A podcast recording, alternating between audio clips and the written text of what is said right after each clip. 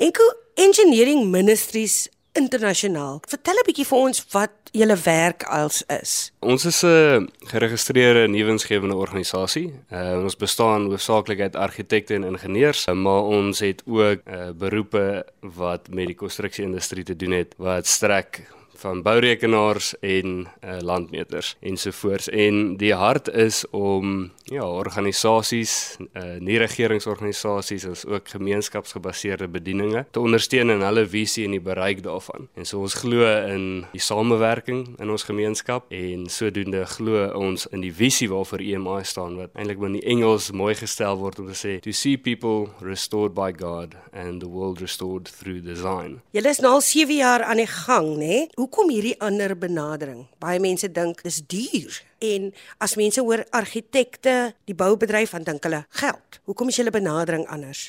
Ehm um, dit is 'n roeping. Ek dink ons almal kom dalk uit skool uit en soek uh, of is op soek na die antwoord. Dus hoe sorg ek vir my familie en kry 'n werk, kry 'n inkomste, kry jou entjies in 'n ry. Ons geval voel ons dat die Here het ons geroep om ons talente, ons gawes te gebruik om 'n verskil te maak. Ehm um, en die uitkyk is regtig tot die uithoeke van die wêreld en ons glo in elke nasie, taal en, en stam wat wat ons Christus kan keer. Ja, en daarom het ons ook wat dan nou klaarblyklik baie anders klink, maar tog is dit nie eintlik so baie anders nie want ek dink ons almal het iets om te bied vir ons samelewing en uh ingenieurs en argitekte wat net besluit om in steede van die geld trein te jaag, ehm um, hulle gawes in te span om die wêreld 'n bietjie beter te maak. Uh dink ek is is 'n positiewe uitkyk. En dan natuurlik het dit ook 'n uh, impak op die generasie wat volg. En dis hoekom ons ons jong ontwikkelingsprogramme het, interne programme wat ons jong studente innooi om na hulle grade ook deel te vorm hiervan. Om te sien is dit moontlik om die Here te dien op 'n manier uh, wat anders sou lyk as 'n kommersiële bedryf waar dit wel net oor geld byker gaan. Jou rol as argitek in hierdie opsig, hoe sou jy dit beskryf? So ek het die voorreg om saam met ons span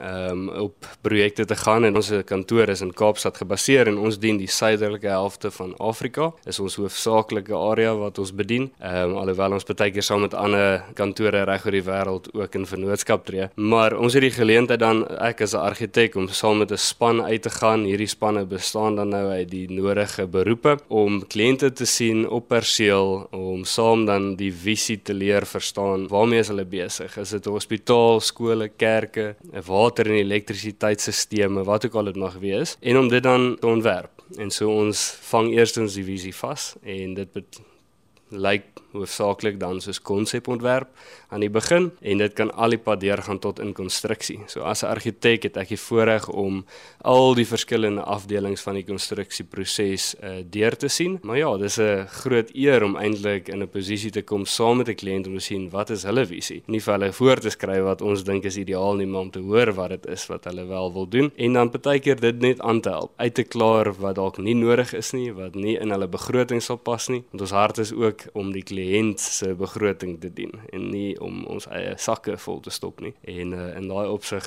ja, as 'n argitek is ek regtig geseënd om dan nou ook deel van die ontwerpsproses saam met hulle deur te stap. Hoekom was dit vir jou so belangrik om betrokke te raak? Toe jy desjare gaan swat om 'n argitek te word, het jy gesien dat jou pad op hierdie wyse sou kronkel.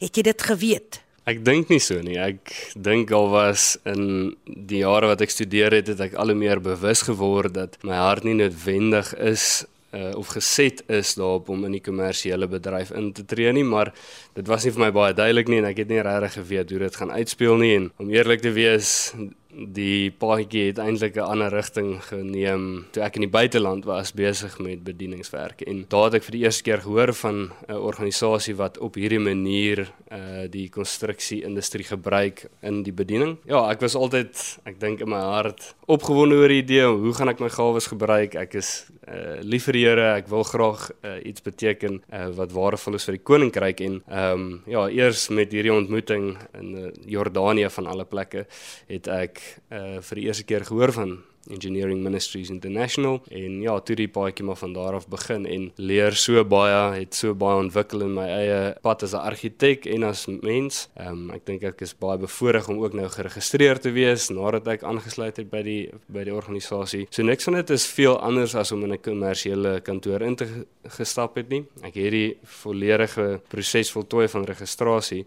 Ehm um, maar in die proses voel dit net vir my of my werk baie meer dit voel voel vervullend.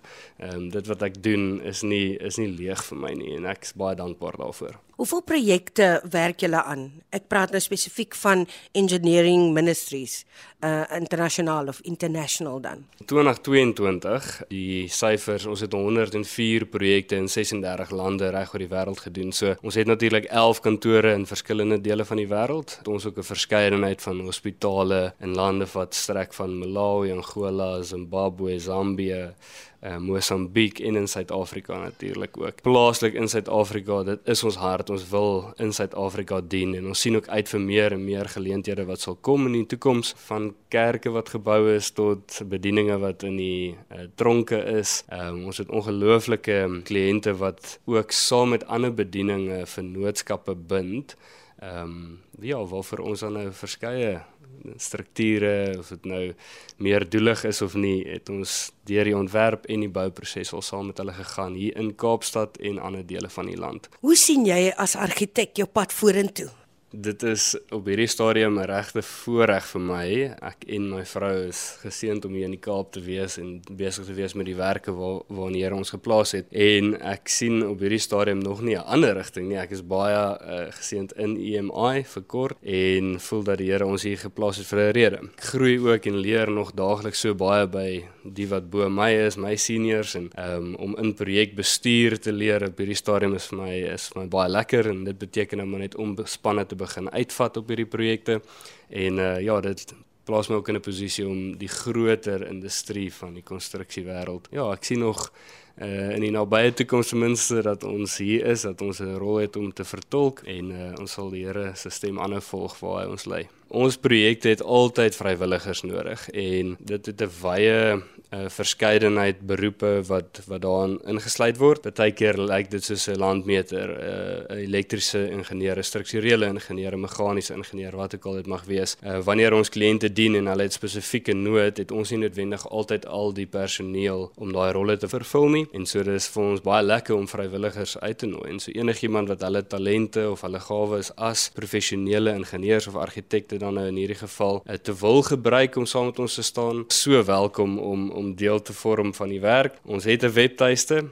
www.emiworld in die Engels.org. Uh, ons het ook die jong ontwikkelingsprogramme waar ons studente uitnooi om internskap te doen. Jy hoef nie 'n student te wees nie, jy kan enige ouderdom wees. Uh die internskappe is gemik daarop om ons ook 'n geleentheid te gee om vir 6 maande tot 'n jaar partykeer in die kantore te wees, saam op hierdie projekte te werk en daardeur leer ons ook ja mekaar want ons glo in ons het eintlik 3D's waarop die organisasie gebou is en dis design, discipleship en diversity en so in kort die ontwerpsaspek van design is vir ons belangrik hoe ons ehm um, fasiliteite ook dan nou bou en ontwikkel vir die Here.